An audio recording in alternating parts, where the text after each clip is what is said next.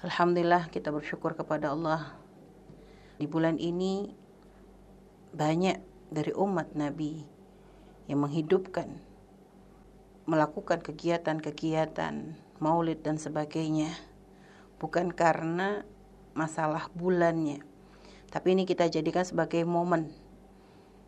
Dan sebenarnya memang ada sebagian orang mengatakan bahwa Rasulullah bukan di Rabiul Awal ada yang mengatakan di bulan yang lain akan tetapi masalah bulan itu tidak penting. Karena memang dalam keyakinan kita artinya diambil oleh jumhur bahwasanya kelahiran Rasulullah adalah di bulan Rabiul Awal. Sehingga kita menjadi kayak semacam syiar. Semacam motivasi untuk kita bagaimana agar kita menghidupkan dalam diri kita, dalam lingkungan kita, dalam masyarakat kita, uh, agar kita bisa semakin lebih kenal karena memang sebenarnya mengingat Nabi bukan dikhususkan hanya di bulan Rabiul Awal. Setiap saat kita harus ingat Nabi. Hanya memang bulan ini ada satu momennya. Artinya memang momen yang spesial karena dalam jumhur ulama yang diambil yang diambil oleh kita bahwa Rasulullah dilahirkan adalah di tanggal 12 Rabiul Awal. Sehingga ini menjadi satu momen yang memang sangat pas untuk kita menghidupkan dengan berbagai macam acara dengan tujuan adalah untuk mengenalkan kembali umat atau untuk mengenalkan umat atau mengembalikan ingatan kita terhadap segala hal yang berkaitan dengan Nabi Muhammad SAW. alaihi wasallam. Memang benar eh, kegiatan-kegiatan seperti ini tidak pernah terjadi di zaman Nabi karena ya untuk apa diadakan acara-acara misalnya Maulid Nabi Uh, karena Rasulullah ada bersama mereka. Rasulullah memberikan pendidikan tarbiyah langsung kepada para sahabat. Dan di zaman sahabat pun tidak ada kegiatan seperti ini. Kenapa? Karena Rasulullah hidup di hati mereka. Kenangan tentang Nabi, walaupun setelah Nabi wafat tidak akan tidak hilang. Dan mereka, para sahabat adalah orang yang paling baik di dalam mengikuti apa yang dilakukan oleh Rasulullah Shallallahu Alaihi Wasallam.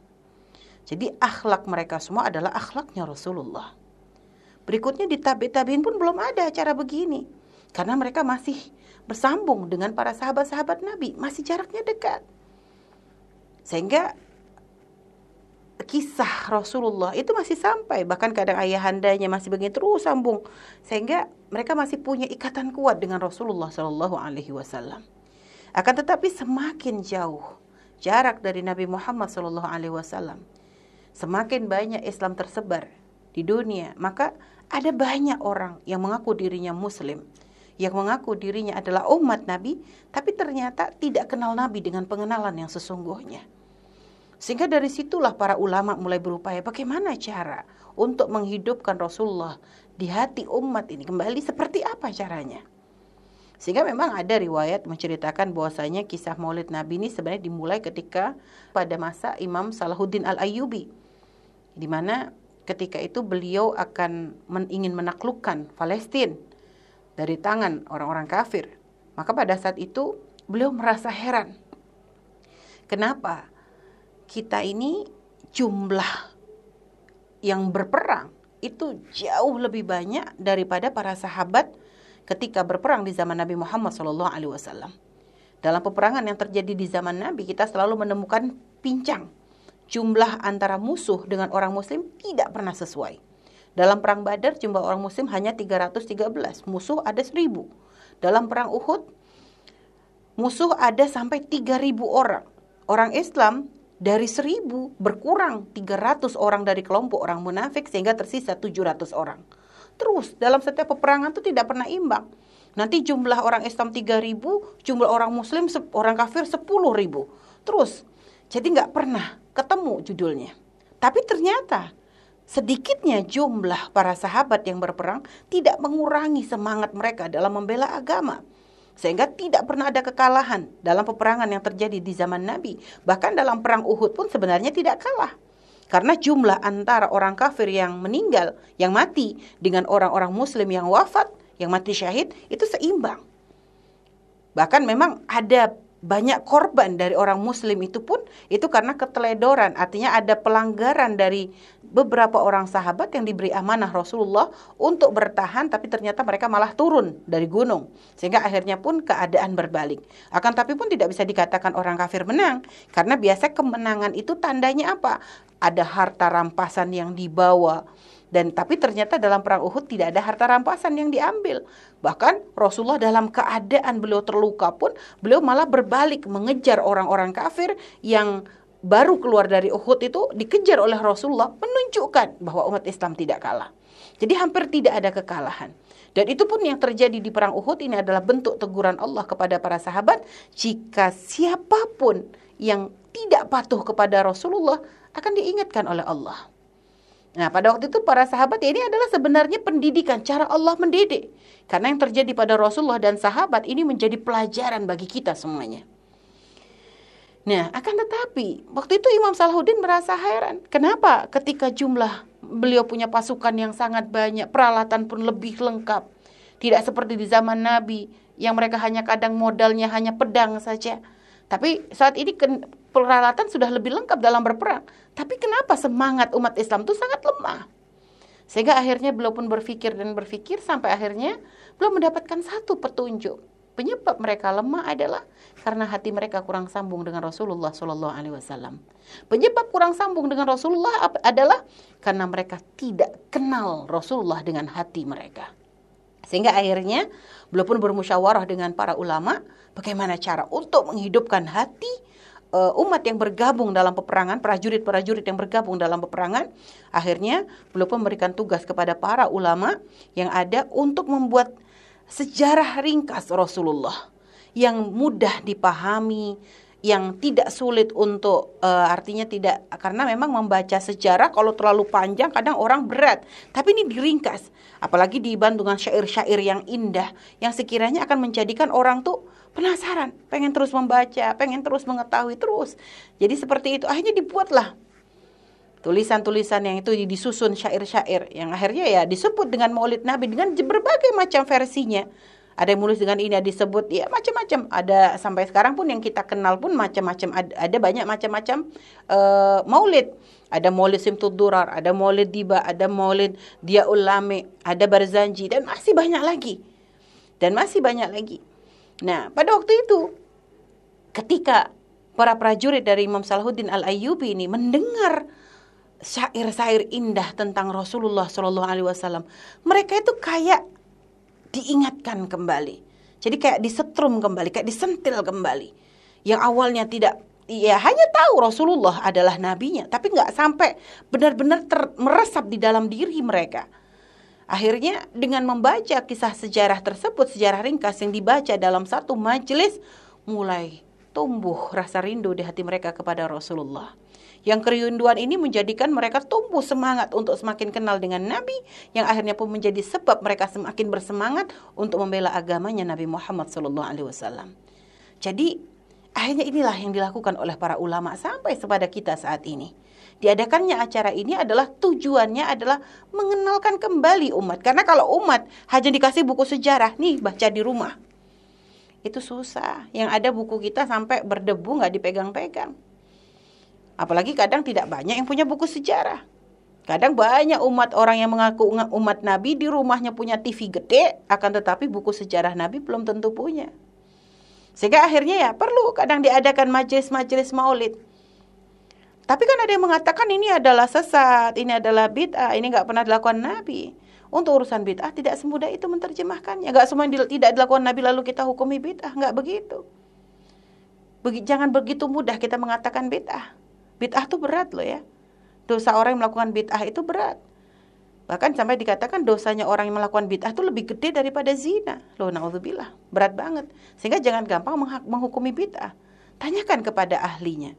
Dan tanyakan, apa sih yang salah dari acara maulid? Soalnya nggak dilakukan Nabi. Sekarang tanyakan, di maulid itu apa sih yang kita lakukan? Dalam acara-acara maulid yang sering kali kita lakukan, apa aja acaranya? Di situ kita membaca sejarah ringkas Rasulullah Shallallahu Alaihi Wasallam. Setelah itu nanti ada ustadz atau ustadz atau ustadzah yang mengajarkan kepada jamaah yang hadir dengan menghadirkan kisah-kisah tentang Rasulullah Shallallahu Alaihi Wasallam. Setelah itu biasanya yang punya hajat mereka memberikan makanan kepada orang-orang yang hadir. Apa salahnya? Memberi makan kepada orang lain dari mana kesalahannya? Lalu membaca syair-syair tentang Rasulullah, apa yang salah? Tapi kan itu pakai nada. Ini masalah masalah untuk menyenangkan orang saja dan tidak ada pelanggaran kecuali kita pakai nada-nada yang diambil dari nadanya orang fasik misalnya. Maka itu jelas salah. Kita nggak seperti itu. Dan ini semakin agar paling tidak orang tuh ada tertarik di situ, menarik orang. Jadi subhanallah, makanya menghukumi bid'ah tidak mudah. Sebenarnya kalau kita lihat membaca sejarah Nabi tidak ada larangan menghadirkan ustadz-ustadzah untuk memberikan pengajian, untuk menghadir, memberikan ilmu, menceritakan tentang Rasulullah, tidak ada kesalahan. Memberi makan kepada yang hadir bukan juga kesalahan. Lalu bagaimana kegiatan ini langsung katakan hukumnya adalah bid'ah atau sesat? Sehingga Masya Allah, makanya jangan gampang terpengaruh juga. Akan tetapi memang ada sekelompok orang yang kadang dalam acara-acara maulid melakukan penyelewengan. Misalnya ada yang kadang dengan meng, apa e, sebagian di daerah itu dengan mencuci keris, selalu dengan tradisi-tradisi.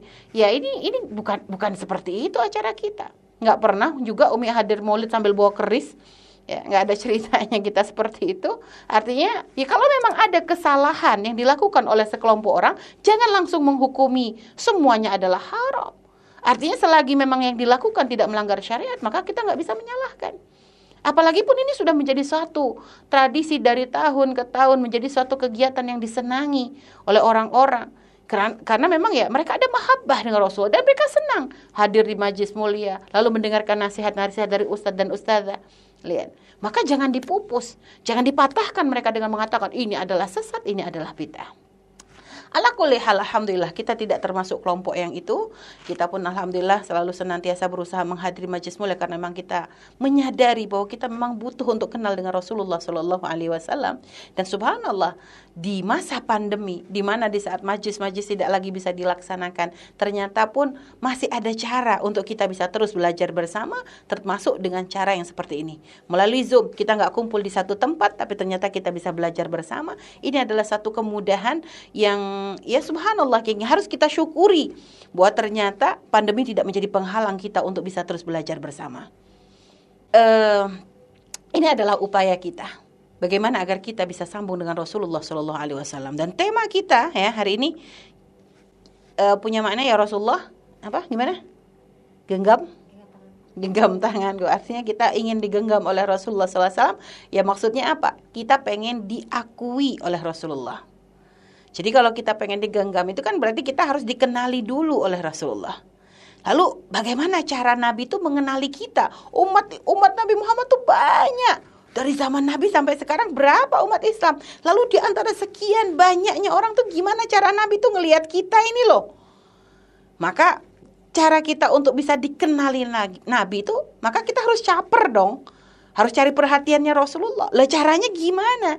Kalau kita pengen dikenali Nabi ya maka paling penting kita kenal dulu dengan Nabi. Jangan hanya berharap Nabi kenal kita, kenali dulu Nabi kita. Lalu bagaimana cara untuk bisa dikenali oleh Rasulullah Wasallam? cara dikenal mengenal beliau tuh banyak. Yang pertama adalah dengan membaca sejarah tentang beliau. Baca kita sejarah. Mi kalau baca sejarah tuh kok susah ya. Kadang baru megang bukunya kok udah ngantuk. Ya sudah, kalau memang kayak begitu ujiannya, setiap megang buku sejarah yang tebel, belum apa-apa sudah ngantuk dulu. Maka ini tadi, termasuk dengan hadir di majlis-majlis mulia. Tapi sekarang majlis mulia susah nih, nggak bisa kumpul. Ya sudah dengan acara Zoom seperti ini. Dan juga termasuk lingkungan juga membantu kita. Teman-teman yang baik itu juga termasuk membantu kita untuk bisa sambung dengan Rasulullah. Kalau kita perkumpulan kita adalah teman-teman yang mereka semua ada mahabbah dengan Rasulullah, kita pun akan terbawa. Tapi kalau perkumpulan kita adalah perkumpulan yang menyesatkan, yang hanya misalnya malah yang dibahas setiap bertemu yang dibahas adalah orang-orang yang jauh dari Rasulullah, apalagi yang sekarang katanya lagi ngetren apa artis-artis yang kadang ya subhanallah mereka adalah orang yang jauh yang tidak kenal dengan Nabi ya susah kita untuk sambung dengan Rasulullah. Gimana kita akan punya motivasi untuk kenal dengan Nabi? Lingkungan kita semuanya begitu. Almaru ala dini khalili kata Nabi. Orang itu akan mengikuti agama temannya. Jadi kalau kita punya teman-teman yang hatinya sambung dengan Nabi, kita pun akan terbawa. Tapi kalau kita berteman dengan orang-orang yang nggak kenal dengan Nabi, ya kita pun akan terbawa. Eh, mungkin yang awalnya pengen kenal pun jadi bergeser. Makanya memilih perkumpulan yang baik, teman-teman yang baik, ini juga penting. Harus selektif kita. Lalu apa gunanya kita ini dengan kenal Rasulullah? Ya karena tadi nggak kenal itu nggak akan bisa cinta. Karena dari kenal Nabi inilah bermula. Ketika kita semakin kenal dengan Rasulullah, maka kita akan semakin tahu, oh ternyata Rasulullah tuh begini. Akhlak beliau tuh seperti ini. Yang dilakukan beliau tuh begini. Dari situ nanti akan muncul karena Nabi itu adalah makhluk yang paling sempurna yang diciptakan oleh Allah Subhanahu wa taala. Beliau maksum, dijaga oleh Allah.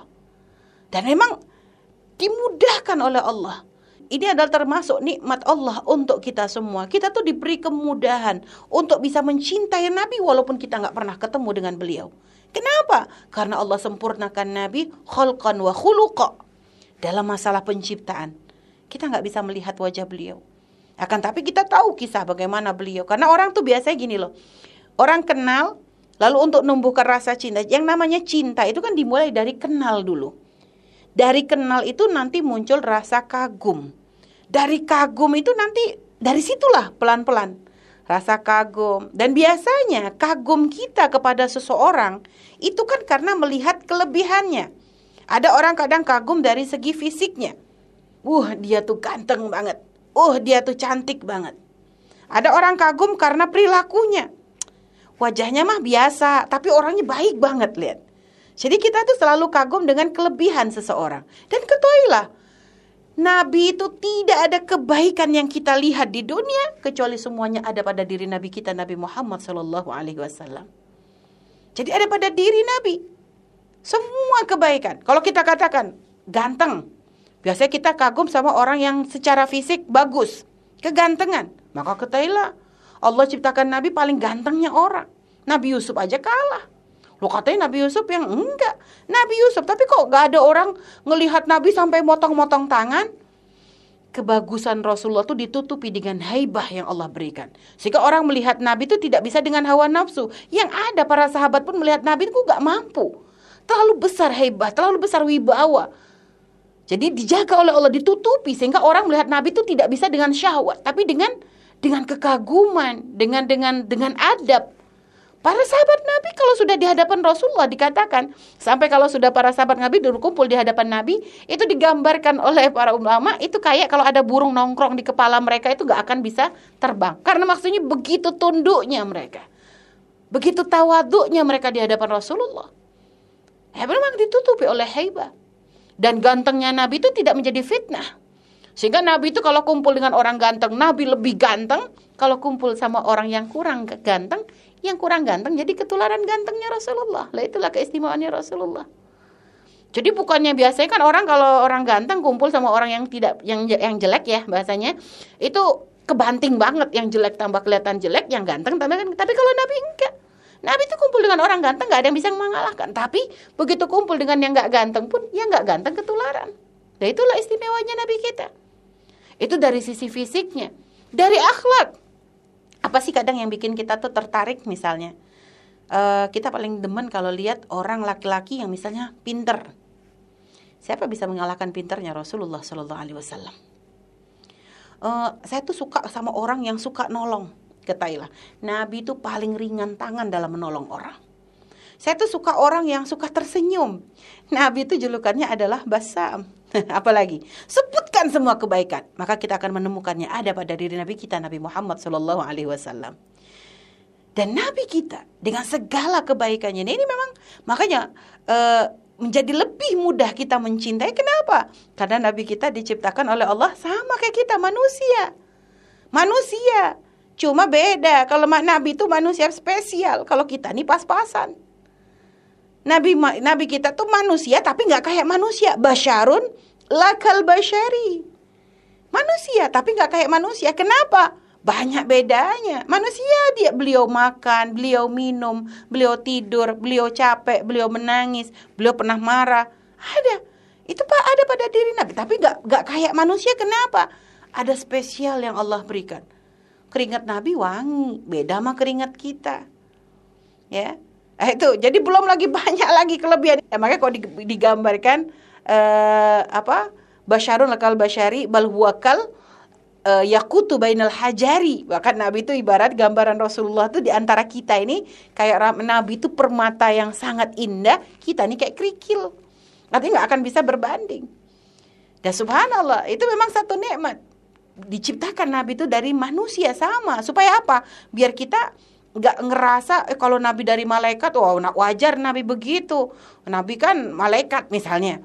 Sehingga makanya Allah tegaskan di dalam Al-Quran, Laqad ja'akum rasulun min anfusikum, azizun alaihi ma'anittum, harisun alaikum, bil mu'minina ra'ufur rahim.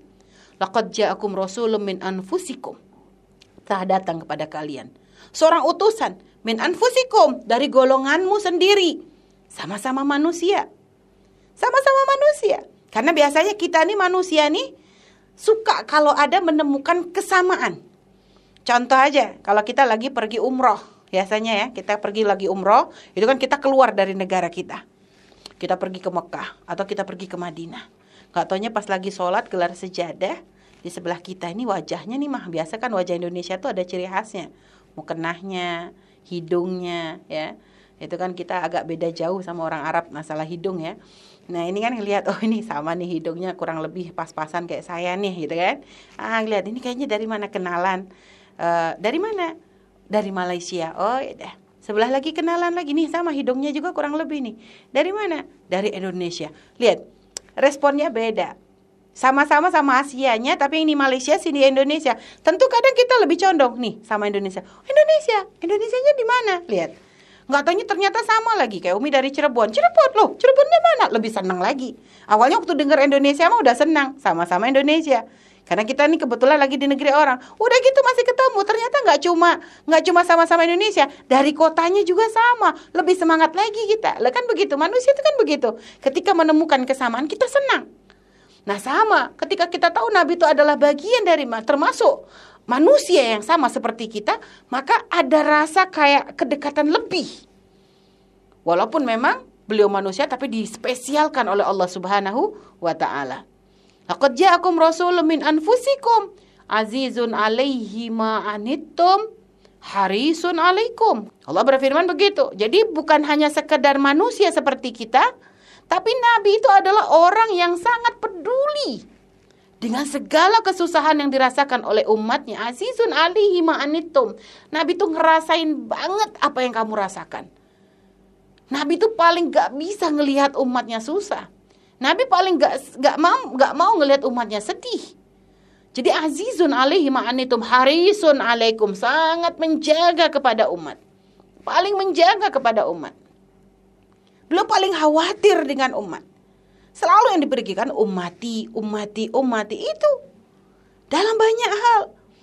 Bahkan sampai dikatakan urusan uh, apa? Ada sampai diceritakan satu riwayat likulli nabiyyin dakwatun mustajabah fatajal kulla nabiyyin da'watahu wa inni ikhtabatu da'wati syafa'atun li ummati yaumal qiyamah.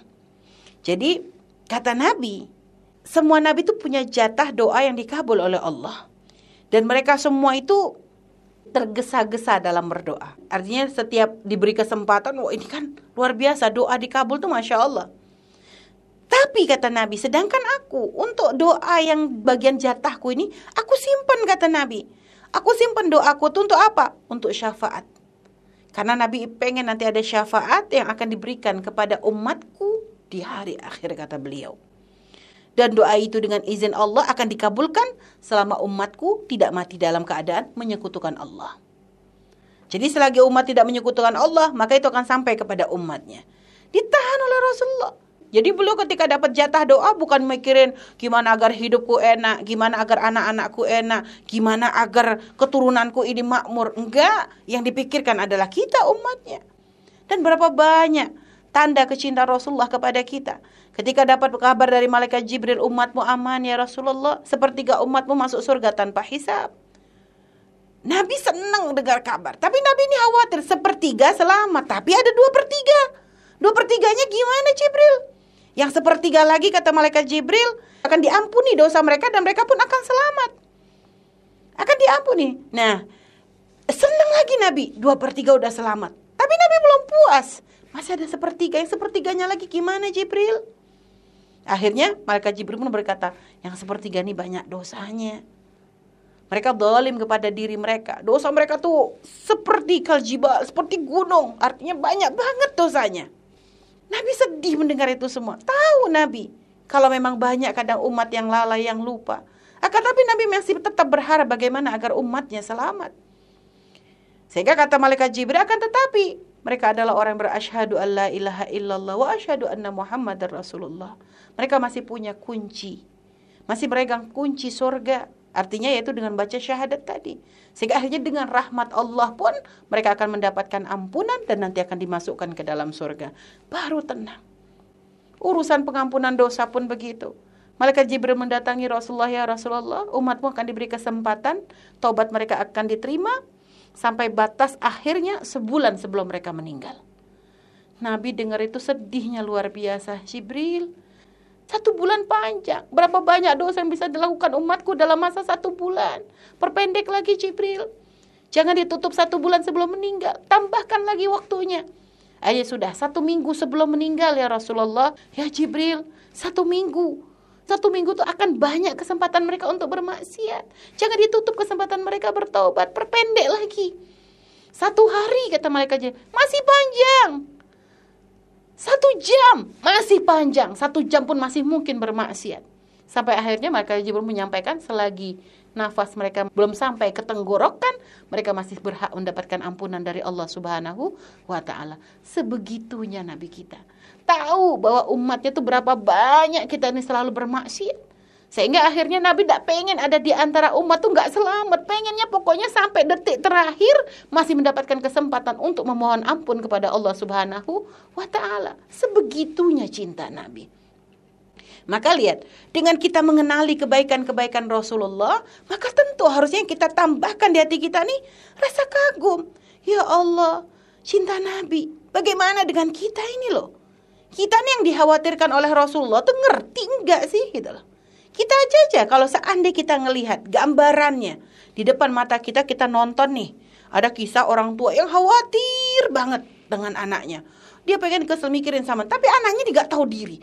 Dia khawatirin orang tua, malah nggak tahu diri. Semakin menjadi-jadi dengan perilaku. Kita nonton begitu aja sebel banget nih anak kalau bisa dipitas, pitas aja nih kurang ajar banget. Nggak sadarkah kita bahwa kita tuh pernah seperti itu? Berapa banyak Nabi mengkhawatirkan kita? Berapa banyak Nabi mengingat kita dalam doa-doa beliau? Tapi berapa banyak kita ingat kepada Rasulullah Shallallahu Alaihi Wasallam? Berapa banyak ketika mendengar nama beliau disebut hati kita bergetar? Berapa banyak kadang di saat membaca sejarah beliau air mata kita bisa menetes? Kadang kita begitu mudahnya menangis ketika kita menonton film-film yang ya yang mungkin ya kadang yang dibuat oleh orang-orang kafir yang katanya mengharukan uh terharu tapi berapa banyak ketika membaca kisah Nabi perjuangan Rasulullah capeknya Nabi itu ternyata hati kita tidak tersentuh. Padahal Nabi lihat Nabi itu selalu mengambil bagian yang terberat. Dan memang dari awal dibuat seperti itu oleh Allah Nabi bisa saja tercipta dari keluarga yang bahagia, ayah, ibu, kehidupan yang enak. Tapi nggak seperti itu hidup yang dipilihkan oleh Allah untuk Nabi. Kenapa? Dibuat Nabi itu bayangkan, ibunda Rasulullah dengan ayahandanya itu menikah baru sesaat. Ada yang mengatakan hanya sekitar tiga hari bertemunya mereka dalam pernikahan. Setelah itu Sayyidina Abdullah, ayahanda Rasulullah harus pergi ke ke kota Syam untuk berdagang. Dan ternyata meninggal dalam perjalanan. Lihat, Rasulullah saat itu baru ada di rahim, belum belum terbentuk. Ada yang mengatakan memang riwayat tiga hari ibunya ditinggal sampai ketika Rasulullah berada dua bulan dalam kandungan ayahandanya wafat. Lihat. Setelah itu lahir Rasulullah dalam keadaan yatim dan dirawat oleh kakeknya. Baru sebentar kakeknya meninggal juga. Dilanjut ibundanya terus sampai Rasulullah dirawat oleh pamannya yang ternyata pun ketika akhirnya Rasulullah diangkat menjadi nabi, ternyata pamannya tidak bisa tidak tidak menjadi orang yang berikrar dengan syahadat. Lihat, diuji dari kecilnya aja udah berat. Kenapa? Karena memang yang terjadi pada nabi ini akan menjadi contoh. Hidup nabi itu kalau dilihat ya Allah, yatim, berat jadi Nabi itu ngambil bagian yang terberat. Bagi seorang anak kan ditinggal ayah atau ibu, nggak punya ayah atau ibu ini berat. Sehingga Nabi dipilihkan seperti itu bukan karena Allah nggak sayang, tapi ini untuk menjadi kekuatan bagi umat. Kenapa? Agar para anak yang mendapatkan ujian seperti Rasulullah yang nggak punya ayah, yang juga ditinggal ibundanya pada waktu kecil, tidak merasa kecil hati. Kenapa? Nabi kita pun begitu. Lihat, Nabi kita begitu. Setelah itu lihat dalam pernikahan Rasulullah dengan Sayyidah Khadijah dikaruniai anak laki-laki dan perempuan. Rasulullah punya anak, tiga laki-laki, empat perempuan. Yang laki-laki nggak ada yang bertahan. Mereka meninggal dalam usia kecil. Usianya setahun, dua tahun. Lo kenapa? Karena ini pun adalah untuk untuk umat lagi kemaslahatan umat. Kenapa? Agar biasanya ada banyak di zaman jahiliyah khususnya kebanggaan mempunyai anak laki-laki itu kadang menjadi satu kesombongan dan mereka gengsi punya anak perempuan. Ternyata Nabi kita malah dikasih anak perempuan semua. Bahkan keturunan Nabi pun nyambungnya adalah dari Sayyidah Fatimah. Lah kenapa? Lah ini loh, supaya orang tuh kalau nggak dikasih anak laki jangan gengsi. Nabi begitu.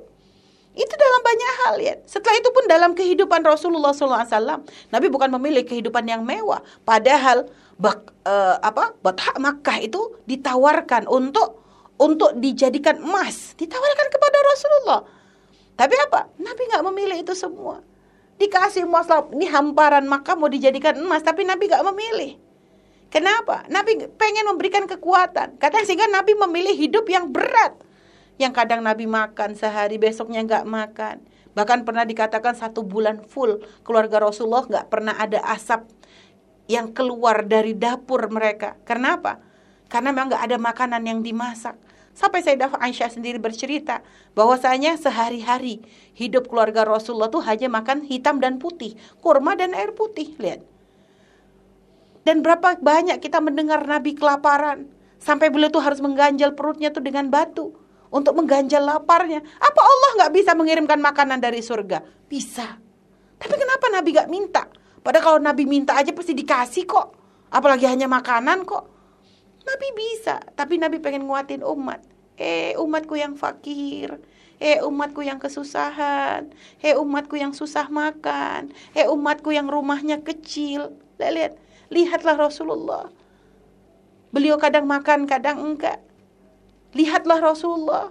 Beliau kadang makan gak pakai lauk apa-apa kok yang ngerasa rumahnya sempit, kecil, jelek. Lihatlah Rasulullah sampai digambarkan oleh Imam Hasan Al-Basri. Kalau orang bisa melihat rumahnya Rasulullah. Imam Hasan tuh pernah datang ke rumahnya, masuki rumahnya Rasulullah. Nangis beliau. Ketika beliau tuh ngangkat tangan saja, tangan beliau tuh nyampe ke atap rumahnya Rasulullah. Saking pendeknya. Yang berarti kan pengap banget. Tapi seperti itulah rumah Nabi. Sampai dikatakan oleh Imam Hasan Basri, kalau seandainya umat itu melihat rumah Nabi, maka untuk belajar kona'ah nggak perlu pakai kitab. Belajar nerima yang diberikan Allah nggak perlu pakai kitab. Cukup melihat rumah Nabi, maka kita akan merasa sangat malu. Karena ternyata rumah Nabi gedenya dengan WC kita itu, dengan kamar mandi kita itu kurang lebih. Bayangkan, berapa banyak kadang kita ngerasa nggak syukur ngerasa rumah kecil, padahal ada berapa ruangan itu aja kadang mengeluh. Lihat, padahal Nabi kita lihat, Nabi tinggalkan kenikmatan bukan karena nggak bisa mendapatkan kenikmatan, tapi pengen menjadi contoh bagi umat. Bahkan putrinya pun, lihat, ketika Sayyidah Fatimah pakai kalung, Nabi gak seneng ngelihatnya. Bukan karena Nabi ngelarang wanita pakai perhiasan, enggak. Perempuan boleh berhias, tapi untuk keluarga Nabi beda. Kenapa? Karena nanti kalau Sayyidah Fatimah selalu ada dengan gambaran diceritakan dengan kalungnya, lihat. Akhirnya para wanita umat Nabi Muhammad akan senantiasa Sayyidah Fatimah pakai kalung kok. Kita akan menjadikan itu hujah. Makanya Rasulullah nggak seneng ngelihatnya supaya nggak jadi contoh. Para istri Nabi ketika mereka meminta uang belanja tambahan kepada Rasulullah, apa yang dilakukan Rasulullah? Bukan Nabi nggak bisa memberikan, mampu malah Nabi tinggalkan mereka selama satu bulan. Sehingga saat itu Madinah heboh mendengar kabar katanya Nabi menceraikan istri-istrinya yang sebenarnya tidak dicerai. Karena itu adalah bentuk tarbiyah Nabi kepada para istri Rasulullah. Kepada istri beliau. Padahal ketika ada sahabat wanita mengadu ya Rasulullah suamiku gak ngasih nafkah. Nabi kasih pilihan. Bagimu dua pilihan. Sama ini kamu hidup gimana? Aku yang menanggung ya Rasulullah. Karena aku punya warisan. Maka bagi ibu dua pilihan. Pilihan yang pertama, kamu boleh minta cerai. Karena memberikan nafkah kewajiban suami. Yang kedua, kalau kamu bersabar, Dan kamu yang menanggung, kamu dapat tiga pahala. Pahala berbakti kepada suami, pahala sambung silaturahmi, pahala sodakoh. Lihat, hanya sahabat tadi memilih tiga. Tapi kenapa giliran istri Rasulullah minta uang belanja malah ditinggal oleh Nabi? Bukan karena Nabi nggak pengen memenuhi hak, hak mereka, tapi ini adalah pendidikan bagi para wanita. Supaya apa? Karena kalau sampai permintaan istri Nabi terpenuhi, maka lihat para istri akan banyak nuntut sama suami, Mas minta uang belanja. Kata suaminya, dek gak punya. Istri Nabi dikasih. Lihat, kita akan jadikan itu hujah. Karena kita kan sukanya nyari yang aneh-aneh. Giliran ibadahnya gak kita lirik, giliran begitu bakalan kita tiru tuh. Nabi aja waktu diminta ngasih kok. Kenapa kamu gak ngasih? Lihat, sehingga dipatahkan itu. Istri Nabi gak dikasih oleh Rasul supaya jadi contoh. Ketika Sayyidah Fatimah datang kepada Rasulullah mengadu, tangannya terkelupas. Nggak kuat dengan pekerjaan rumah. Karena semuanya dikerjakan sendiri oleh beliau. Dan beliau butuh orang untuk membantu. Nabi mampu sebenarnya untuk memberikan. Tapi apa yang dilakukan Nabi? Nabi gak memberikan itu semua. Nabi datang ke rumah beliau. Nabi berbaring bersama Sayyidina Ali dan Sayyidah Fatimah. Nabi ajarkan zikir. Kenapa? Ini pendidikan untuk para wanita-wanita. Untuk para umat-umatnya Nabi Muhammad, para wanita muslimah agar jangan banyak menuntut. Bersabarlah ketika menjadi seorang istri. Bersabarlah mungkin ketika punya suami yang mungkin secara ekonomi tidak punya kemampuan karena di situ ada banyak kebaikan, ada banyak pahala. Nabi pengen ngajarkan melalui apa yang beliau tanamkan kepada istri, ke putri-putri beliau, kepada istri-istri beliau. Itu pendidikan Rasulullah. Lihat, luar biasanya. Dan masih banyak lagi kebaikan-kebaikan Rasulullah yang kalau kita paparkan gak akan mampu. Sehingga karena begitu banyaknya kebaikan Rasulullah Shallallahu Alaihi Wasallam, begitu perhatiannya Nabi kepada umat, maka Subhanallah Allah tekankan kepada kita semua, Kul in kuntum tuhibbunallah, fattabi'uni. Wahai Muhammad kata Allah, Allah berfirman kepada Nabi kita Nabi Muhammad Shallallahu Alaihi Wasallam, katakan kepada umatmu, Kul in kuntum tuhibbunallah, jika kalian mencintai Allah. Siapa pun yang mengaku mencintai Allah, maka fattabi'uni cinta kepada Allah tidak akan sampai kecuali dengan apa? Dengan mengikuti Nabi Muhammad sallallahu alaihi wasallam. Allah ingin menjadikan Nabi Muhammad menjadi pintu kita untuk sampai kepada Allah. Enggak cukup orang yang mengatakan Allah, hanya Allah enggak pakai Rasulullah, enggak bisa sampai. Seandainya kita gunakan seluruh hidup kita untuk sujud kepada Allah, tapi kita nggak punya mahabbah kepada Nabi, nggak akan sampai. Fattabi'uni yuhibbukumullah. Fattabi'uni, ikuti aku. Kita diperintahkan untuk mengikuti Nabi Muhammad. Dan orang nggak akan mampu mengikuti kecuali apa? Ada mahabbah di hatinya. Ada mahabbah di hatinya. Kenapa kok harus pakai pintunya Rasulullah? Karena semua kebaikan Allah tunjukkan dalam diri Rasulullah. Nabi kita adalah Al-Quran yang berjalan. Kalau ada orang pengen tahu gimana sih cara bisa berbakti kepada orang tua, lihat Rasulullah. Tapi kan Rasulullah nggak punya orang tua. Tapi ingat nasihat Nabi tentang orang tua banyak. Bahkan Nabi pun walaupun tidak punya kesempatan bersama ibundanya, tapi Nabi dengan ibunda sesuannya baik banget.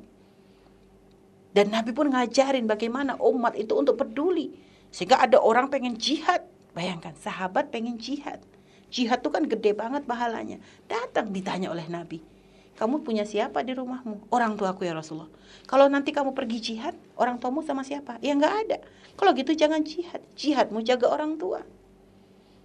Lihat, Padahal ini siapa? Nabi butuh orang untuk berjihad karena ini membela agama. Tapi pun ternyata ketika ada orang tua yang lebih butuh, Nabi gak egois. Bahkan Uwais Al-Qarni Kenapa beliau menjadi afdolut tabi'in? Paling bagusnya tabi'in. Padahal beliau gak pernah ketemu dengan Nabi. Kenapa? Karena beliau itu adalah orang yang hidup di zaman Nabi. Dan sebenarnya beliau tuh bisa bertemu dengan Nabi. Tapi gak bisa bertemu gara-gara ibundanya. Dan Nabi gak marah. Ketika padahal Uwais Al-Karni sudah nyampe ke Madinah, bayangkan. Sudah nyampe ke Madinah, nyampe ke Madinah ternyata gak ketemu Rasulullah. Karena saat itu Rasulullah lagi keluar. Dan sebenarnya bayangkan, perjalanan dari Yaman Jauh menempuh. Jangan dipikir perjalanan kayak sekarang mah dekat. Jauh. Perjalanan yang sangat jauh. Tapi begitu nyampe ke Madinah, Rasulullah nggak ada. Rupanya Rasulullah lagi ke Khaybar. Lagi ada peperangan di situ. Ya coba kita kebayang, kita udah perjalanan jauh pakai jalan kaki lagi. Sudah begitu, nyampe tempat gak ketemu. Kan biasa kita tungguin. Tapi Wes Al-Karni ingat pesan ibunya, kalau udah nyampe cepat balik ya nak ya. Cepat balik. Sehingga akhirnya beliau pun mau menunggu tuh gak tega takut nanti ibundanya tuh nyari-nyari nunggu-nunggu lama. Sehingga akhirnya berbalik meninggalkan pertemuannya dengan Rasulullah Shallallahu Alaihi Wasallam. Lalu apa Rasulullah murka? Apakah Rasulullah gimana sih? Kok malah milik balik lagi ke tampan? Enggak ada. Bahkan Nabi ketika mendengar berita tersebut Nabi katakan kepada Sayyidah kepada Sayyidah Aisyah, "Ya Aisyah ketahuilah huwa min ahli sama." Dia tuh ahli langit bukan ahli bumi. Bahkan Nabi perintahkan kepada Sayyidina Umar ibn Khattab, "Ya Umar, akan tiba di masamu ada seorang laki-laki yang datang, dia bernama Uwais Al-Karni, ciri-cirinya begini, sebutkan di hadapan Sayyidina Umar dan Imam Ali. Lalu apa pesan Rasulullah? Dan kalau nanti kamu bertemu dengannya, sampaikan salamku padanya dan mintalah doa kepadanya. Bayangkan, siapa Sayyidina Umar?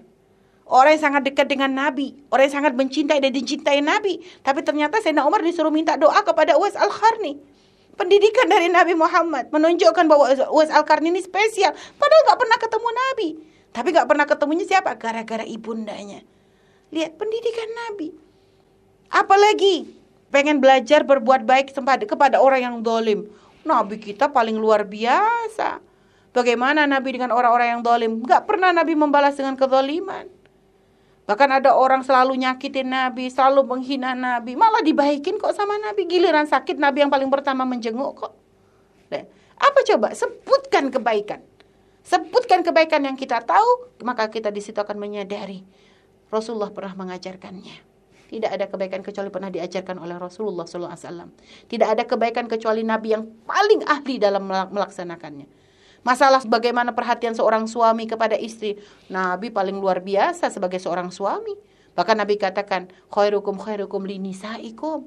Paling bagusnya kalian tuh bukan yang paling banyak sujudnya, bukan yang paling banyak ibadahnya. Tapi yang paling baik di antara kalian yang paling bagus kepada wanita-wanitanya. Siapa itu? Ibundanya, anak perempuannya, istrinya. Lihat, maksud Nisa di sini bukan hanya istri, wanita karena menjadi tanggung jawab bagi seorang anak laki-laki ada ibu, ada saudari perempuan, ada istri, ada putrinya. Yang baik kepada mereka yaitu khairukum.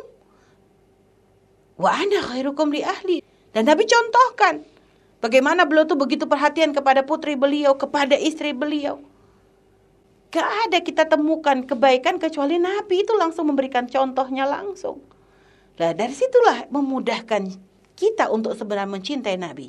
Nabi mengajarkan agar bagaimana kita itu untuk sempurnanya keimanan kita adalah dengan kita tidak mencintai siapa pun melebihi cintanya kepada Rasulullah SAW.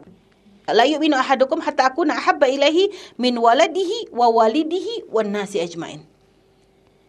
Kata Nabi, nggak sempurna iman di antara kalian sampai kalian tuh bisa mencintaiku, melebihi cinta kalian kepada anak kalian, kepada orang tua kalian, dan kepada semua manusia.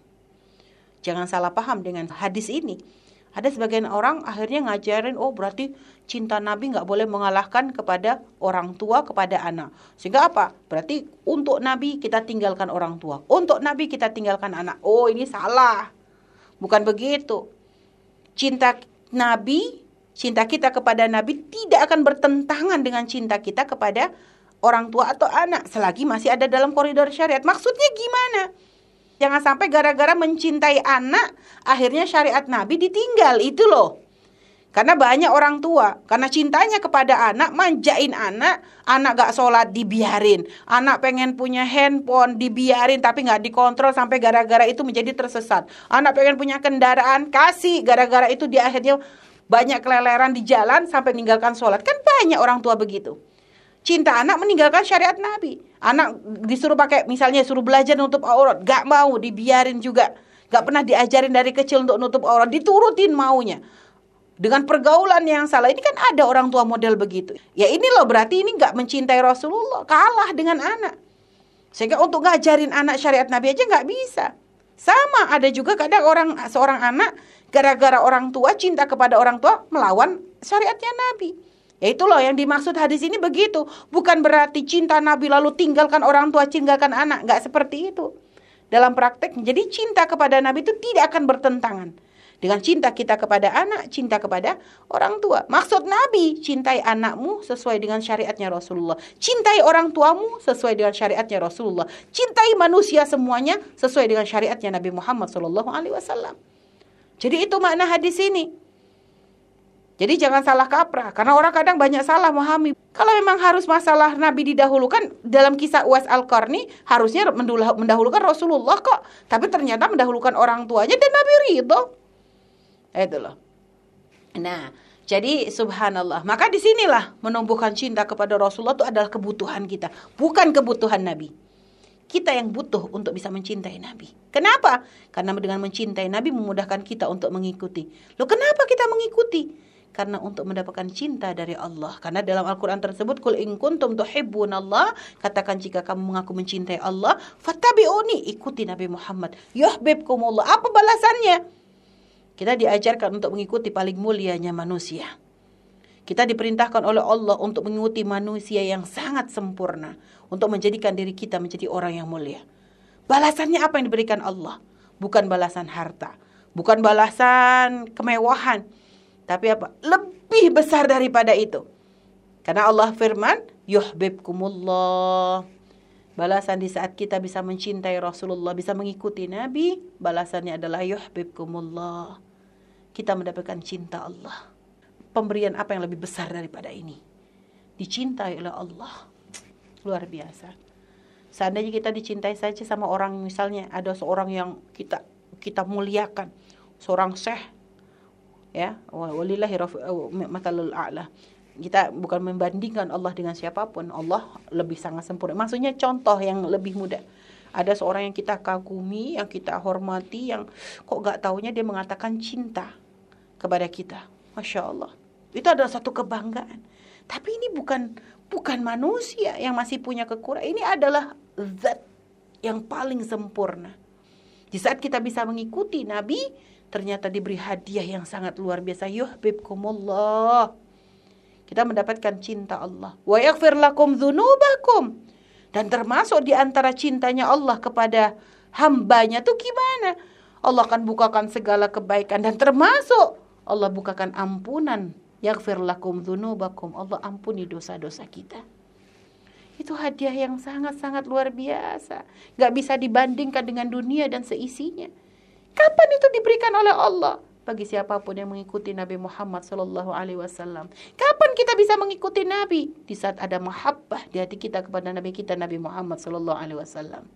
Lalu bagaimana cara menanamkan mahabbah tadi? Dengan mengenali Nabi Muhammad Sallallahu Alaihi Wasallam. Dengan banyak menyebut nama beliau.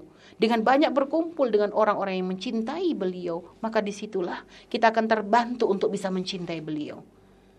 Menyebut nama beliau gimana? Dengan membaca solawat kepada beliau.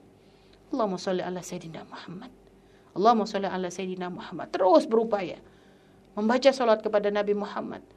Berkumpul dengan orang-orang yang senang bersolawat kepada Nabi Muhammad. Menghadiri majelis yang di mana di situ diagungkan namanya Nabi Muhammad memilih guru yang mengikuti akhlaknya Nabi Muhammad. Jadi segala sesuatu yang di rumah kita ini mengingatkan kita kepada Nabi, maka dari situlah akan muncul mahabbah dan akan menjadikan kita mudah mengikuti beliau. Gimana sih mengikuti seperti apa sih yang diajarkan oleh Allah? Maksudnya mengikuti dalam hal apa? Dalam segalanya dalam urusan hubungan kita dengan Allah, ibadah kita. Kalau kita pengen bagaimana kita bagus dalam beribadah, belajarlah dari Rasulullah Sallallahu Alaihi Wasallam. Dalam perilaku keseharian kita, urusan kita dengan manusia, semuanya ada. Nggak kita nggak akan menemukan kekurangan. Syariat yang paling sempurna adalah syariat yang dibawa oleh Rasulullah Sallallahu Alaihi Wasallam. Apa dari masalah gede urusan menyembah Allah sampai urusan masuk kamar mandi pun masuk WC diajarkan adabnya. Mana ada syariat yang seperti itu? Urusan masuk WC. Diajarkan adabnya. Urusan sederhana makan kanan kiri. Itu pun ternyata diajarkan oleh Nabi kita. Dan kadang kita ini kadang urusan sepele aja susah untuk ngikutin. Kenapa hati kita kurang sambung? Sehingga ada orang kadang begitu mudahnya makan pakai tangan kiri. Ada begitu mudahnya orang makan pakai berdiri. Padahal Nabi sudah ngajarin. Nabi ngajarin. Terus gimana sekarang? Untuk kita tuh mulainya dari mana? Dimulai dari yang paling kecil-kecil dulu. Ikuti Rasulullah dalam hal kecil. Makan saja deh. Ketika makan. Jangan lupa untuk membaca doa. Setelah itu apa? Pakai tangan kanan. Setelah itu apa? Dalam keadaan duduk. Jadi seperti itu. Jadi dalam keadaan duduk. Kenapa adab Nabi? Bukan ini masalah kesehatan. Oke, kesehatan itu setelah tambahan. Kalau makan duduk lebih baik karena begini. Itu kan teori. Tapi kan aslinya memang sudah diajarkan oleh Rasulullah. Dan ingat ketika mengikuti Nabi, hadirkan Nabi. Karena ada sekarang orang ngajarin anaknya, nak bahkan pakai tangan kanan. Tapi Nabi gak disebut. Jadi kalau kita pun pengen menghadirkan dalam diri kita, kita pengen makan tangan kanan. Kenapa? Seperti Nabi Muhammad. Itu hadirkan. Jadi bukan hanya itu menjadi latah, hari menjadi suatu kebiasaan, tapi kita nggak pernah menghadirkan Rasulullah. Itu cara untuk kita bisa dekat dengan Nabi itu begitu. Jadi segala perilaku kita tuh sambungkan dengan Nabi. Bagaimana kita tidur, bagaimana kita berjalan, bagaimana kita berdandan, bagaimana kita sholat, dan sebagainya. Urusan sepele sampai urusan gede. Selalu hadirkan di hati kita Nabi Muhammad Wasallam. Ada seorang seorang alim yang dididik oleh ibunda yang solehah uh, Syekh Ahmad Badawi kalau tidak salah, Umi lupa namanya. Seorang soleh yang dididik oleh ibundanya, beliau itu sudah belajar di pot santren lah ceritanya dan sudah mulai berdakwah. Sampai akhirnya satu hari datang kepada ibundanya alhamdulillah ibu uh, aku sudah bisa ya ada majelis-majelis ada ya banyak jamaah yang ikut. Beliau bercerita ya alhamdulillah. Artinya beliau sudah menjadi rijal rijal itu maksudnya menjadi ya jadi orang laki-laki yang dianggap lah gitu loh maksudnya akhirnya ibunya bertanya nak kamu tuh ngaku jadi laki-laki tuh memangnya kamu tuh udah pernah ketemu Rasulullah tak anaknya tuh begitu denger ibunya ngomong gitu tuh kaget bu memangnya kalau pengen menjadi rijal pengen menjadi seorang laki-laki yang benar tuh harus ketemu Nabi ya tentu kalau kamu belum bisa ketemu Nabi, jangan ngaku jadi laki-laki beneran kamu. Lihat, ibunya ngajak. Loh terus, gimana caraku untuk bisa ketemu Nabi itu? Maka kata ibundanya, tanyalah dengan ilmumu. Maksudnya apa? Ibunya tuh pengen mendidik dengan ilmu yang kamu dapat sekarang ini. Berapa banyak kamu sambung dengan nabimu? Itu loh. Ibunya tuh pengen mendidik. Tanya dengan ilmumu. Selama ini kamu belajar apa? Kamu belajar sholat, kamu belajar ini, kamu belajar itu. Tanyakan dari ilmu yang kau dapatkan mana yang menyambungkanmu dengan Rasulullah. Dan ternyata semua ilmu yang kita cari bisa kita sambungkan dengan Nabi Muhammad. Hanya dia tuh berpikir, dia coba merenungi bagaimana cara untuk sambung dengan Nabi. Dan subhanallah, akhirnya sampai dia tuh menemukan, oh ternyata selama ini dia tuh belajar, tapi ya begitu ngambang. Hatinya nggak pernah disambungkan dengan Nabi. Ya sholat sholat tapi nggak ingat Nabi. Makan ya bener dia pakai kanan tapi nggak ingat Nabi terus. Hanya melakukan aktivitas tuh sudah kayak latah. Sampai akhirnya beliau merubah perilakunya Nggak berjalan kecuali sambil mengingat kini loh cara jalannya Rasulullah. Nggak makan kecuali sambil mengingat kini loh cara makannya Nabi. Nggak sholat kecuali sambil menghadirkan seperti inilah sholatnya Rasulullah. Karena Nabi bersabda, Sallu kamaru aitumuni usolli. Terus menghadirkan segala perilakunya disambungkan dengan Nabi sampai akhirnya beliau pun bisa bertemu dengan Rasulullah Sallallahu Alaihi Wasallam. Datang lagi kepada ibundanya, wahai ibu, Alhamdulillah aku sudah bertemu dengan Rasulullah. Ditanya oleh ibunya, kamu ketemu Nabi dalam keadaan tidur atau dalam keadaan terjaga? Ya, dalam keadaan tidur atau terjaga? Kaget anaknya. Dalam mimpi, Bu. Dalam keadaan tidur. Kata ibunya, kalau dalam keadaan tidur, nak, orang-orang wanita di kampung sini mah tiap malam juga ketemu Rasulullah. Ini nggak tahu kampung apa juga, Umi penasaran juga di dalam kisahnya. Ya, kalau semuanya orang kampungnya ketemu Nabi ini kan berarti wali-wali semua ini. Kalau cuma ketemu Nabi dalam mimpi mah ini ibu-ibu di sini biasa ketemu Nabi semuanya. Akhirnya kaget ini. Putranya ini kaget ya Allah. Terus gimana ibu? Tingkatkan lagi. Emangnya bisa ketemu Rasulullah? Mungkin pertanyaan kita, emangnya bisa ketemu Rasul dalam keadaan terjaga? Nabi bersabda, "Man ro'ani fil manam sawfa fil yaqdah." Yang melihatku dalam mimpi akan bisa ketemu denganku dalam keadaan terjaga. Fa inna syaitan la. Karena syaitan gak bisa menyerupaiku. Cara ketemunya gimana? Ya Allah punya cara. Yang penting orang tuh kalau sudah ketemu Nabi akan tahu dia. Gak akan salah kaprah. Karena Nabi gak bisa diserupai oleh siapa pun. Syaitan gak bisa menyerupai Nabi. Jadi orang kalau sudah memang ketemu Nabi, walaupun dia gak pernah ketemu, walaupun dia gak pernah melihat, dia bisa memahami, itu Nabi. Man yarani fil manam sofa yarani fil yaqdah, kata Nabi. Yang melihat dalam keadaan tidur bisa ketemu dalam keadaan terjaga. Sehingga akhirnya ditingkatkan lagi sambungnya hati dengan Rasulullah sampai akhirnya datang lagi kepada ibundanya, ibunda aku sudah bertemu Rasulullah. Dalam keadaan apa? Dalam keadaan terjaga. Itu ibunya apa? Berapa kali kamu ketemu? Subhanallah, nggak selesai. Ini ibundanya wali. Jadi nggak pengen anaknya tuh ketemu Nabi terus merasa sudah lolos karena berasa banyak ada orang merasa mimpi Nabi, wah sudah ngerasa punya surga. Jangan kepedean, jangan tertipu.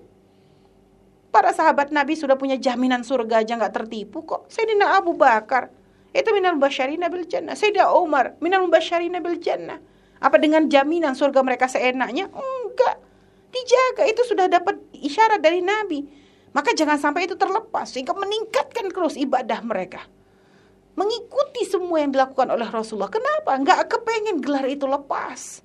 Lah ini makanya ibu ini pun mendidik anaknya. Udah ketemu Nabi jangan kepedean. Jangan langsung ngerasa sudah punya surga. Belum. Usaha terus, tingkatkan makanya nggak mau nggak puas dengan hanya mimpi. Saya mimpi pengen ngelatih anaknya untuk bertemu. Setelah bertemu langsung nggak pengen itu cuma sekali. Kepengen terus kebersamaan dengan Nabi itu berlanjut sampai kapan? Sampai nyawa dicabut dalam keadaan hati kisah sambung dengan Nabi Muhammad Shallallahu Alaihi Wasallam. Terus kita gimana nih? Kita masih belum derajat yang begitu. Ya sudah kita memang banyak dosa.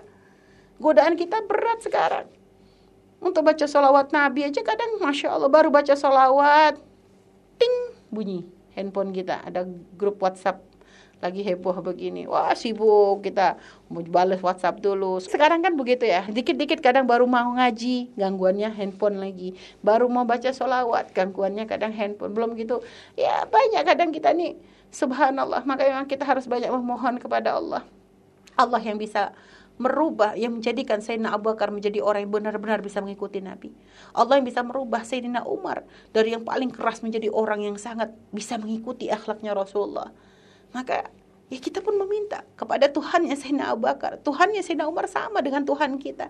Maka minta kepada Allah, ya Allah kau bisa merubah orang paling jahat menjadi orang paling baik. Maka rubah aku ya Allah. Kita minta agar kita bisa menjadi orang yang hatinya sambung dengan Rasulullah Sallallahu Alaihi Wasallam. Minta dalam sholat-sholat kita. Minta dalam munajat-munajat kita. Agar bagaimana kita bisa sambung terus dengan Rasulullah SAW dalam keseharian kita. Minta agar lisan kita selalu basah untuk bersolat kepada Nabi. Minta kepada Allah agar perilaku kita benar-benar mengikuti apa yang diajarkan Rasulullah SAW. Seperti itu. Itu upaya kita untuk bisa digenggam oleh Rasulullah SAW.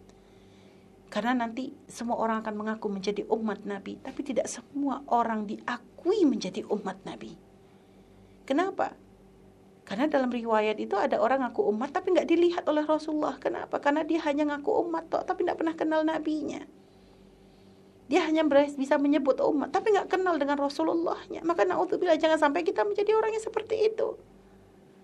Maka ayo jadikan syariat Nabi itu adalah identitas kita sebagai seorang muslimah, Nabi ajarkan kita untuk berhijab. Maka berhijablah.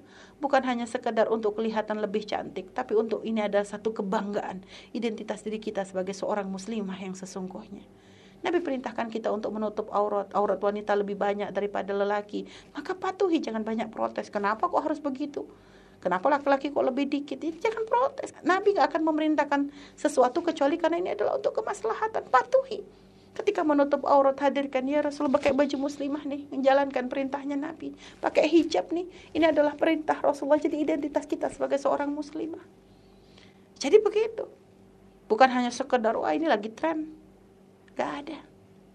Dari situlah dengan hal-hal yang terus upaya kita untuk terus menyambungkan dengan Nabi, maka nanti jadi kita akan bisa dilihat oleh Rasulullah SAW. Dan kalau sudah dilihat oleh Rasulullah, mudah bagi Nabi untuk menggenggam tangan umatnya. Kalau Nabi sudah mengenali, bisa mengenali kita sebagai umatnya, maka mudah kita untuk masuk barisan beliau ketika berada di padang mahsyar.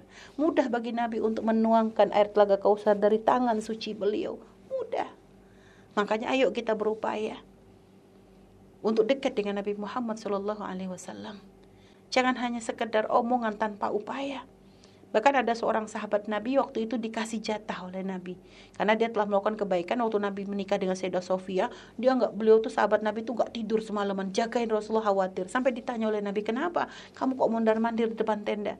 Ya Rasulullah, engkau baru menikahi orang Yahudi. Aku takut terjadi sesuatu denganmu. Hanya kata Nabi, beristirahatlah, Allah yang menjagaku. Akhirnya Nabi kasih kesempatan, kau pengen apa? Pengen kudoain apa? Oh sahabat Nabi ini ditanya, Nabi begini mikir dia. Ini ditanya oleh Rasulullah, doa Nabi itu mustajab. Akhirnya apa? Dia mikir minta apa ya ke Rasulullah Rasulullah nawarin dia pengen doa apa Akhirnya begitu ketemu lagi Ya Rasulullah uridu murafaqatu qabil jannah Ya Rasulullah aku pengen menjadi temanmu di surga Uridu murafaqatu ya murafaqah Pengen menjadi temannya Rasulullah Di surga Lalu jawab Nabi apa? Nabi bisa mendoakan Tapi Nabi katakan Maka bantu aku Bantu dengan apa ya Rasulullah? roti sujud Artinya Nabi mudah mendoakan untuk dia menjadi temannya, tapi bantu dengan apa? Membaguskan ibadah. Maksudnya memperbaguskan ibadah. Jadi kita pun seperti itu, pengen dekat Nabi, maka yuk mula mulakan dengan ya kita menjalankan semampu kita. Ibadah berusaha semakin lebih baik lagi. Yang kadang sholatnya masih belang bentong, ayo niat ya Allah, ini masuki bulan maulid, pengen dilihat oleh Rasulullah, kita baguskan lagi sholat kita. Saya udah sholat nggak belang bentong tapi suka akhir-akhir. Misalnya suka nunggu waktunya selesai dekat eh, itu berarti sekarang ayo perubahan. Berarti sholat kita harus lebih awal lagi lebih semangat lagi. Saya udah sholat benar tepat waktu dan e, awal waktu tapi selalu sendirian. Oh berarti peningkatannya adalah sholatnya harus berjamaah begitu. Jadi terus ada peningkatan. Jangan puas. Ya saya sudah sholat fardu sudah saya lakukan. Tapi kalau tahajud masih berat Udah berarti PR kita untuk sekarang ini adalah Ayo baguskan urusan sholat tahajud kita juga. Karena itu adalah hubungan khusus Waktu khusus untuk kita bermunajat kepada Allah. Saya sudah nih sholat, udah alhamdulillah sholat fardu iya, sholat tahajud iya. Tapi kadang saya suka ngambek sama orang tua. Oh kalau gitu gak cukup, urusan kita hanya bagus dalam ibadah, urusan dengan orang tua pun penting. Oh udah nih alhamdulillah dengan orang tua udah bagus, sholat juga udah bagus, tapi ngajinya masih males. Ya sudah, berarti PR kita adalah memperbanyak membaca Al-Quran. Jadi gitu terus, apa sih? Sekarang ini kita introspeksi, apa sih yang kita masih jauh dari Nabi nih? Hal apa sih yang masih kita tuh belum belum sambung dengan Rasulullah? Introspeksi, kita catat, kita cari. Kita nggak akan bisa berupaya menuju kepada Rasulullah kalau kita nggak sadar dengan kekurangan kita. Sadari dulu kekurangan kita. Sehingga nanti dari situ kita berbenah memperbaiki hal-hal yang tidak baik dengan mengikuti apa yang diajarkan oleh Rasulullah Sallallahu Alaihi Wasallam maka itulah yang akan menjadikan kita dikenali oleh Rasulullah Sallallahu Alaihi Wasallam. Sehingga makanya subhanallah jadi kebutuhan mencintai Nabi ini adalah kebutuhan kita bukan kebutuhan Nabi.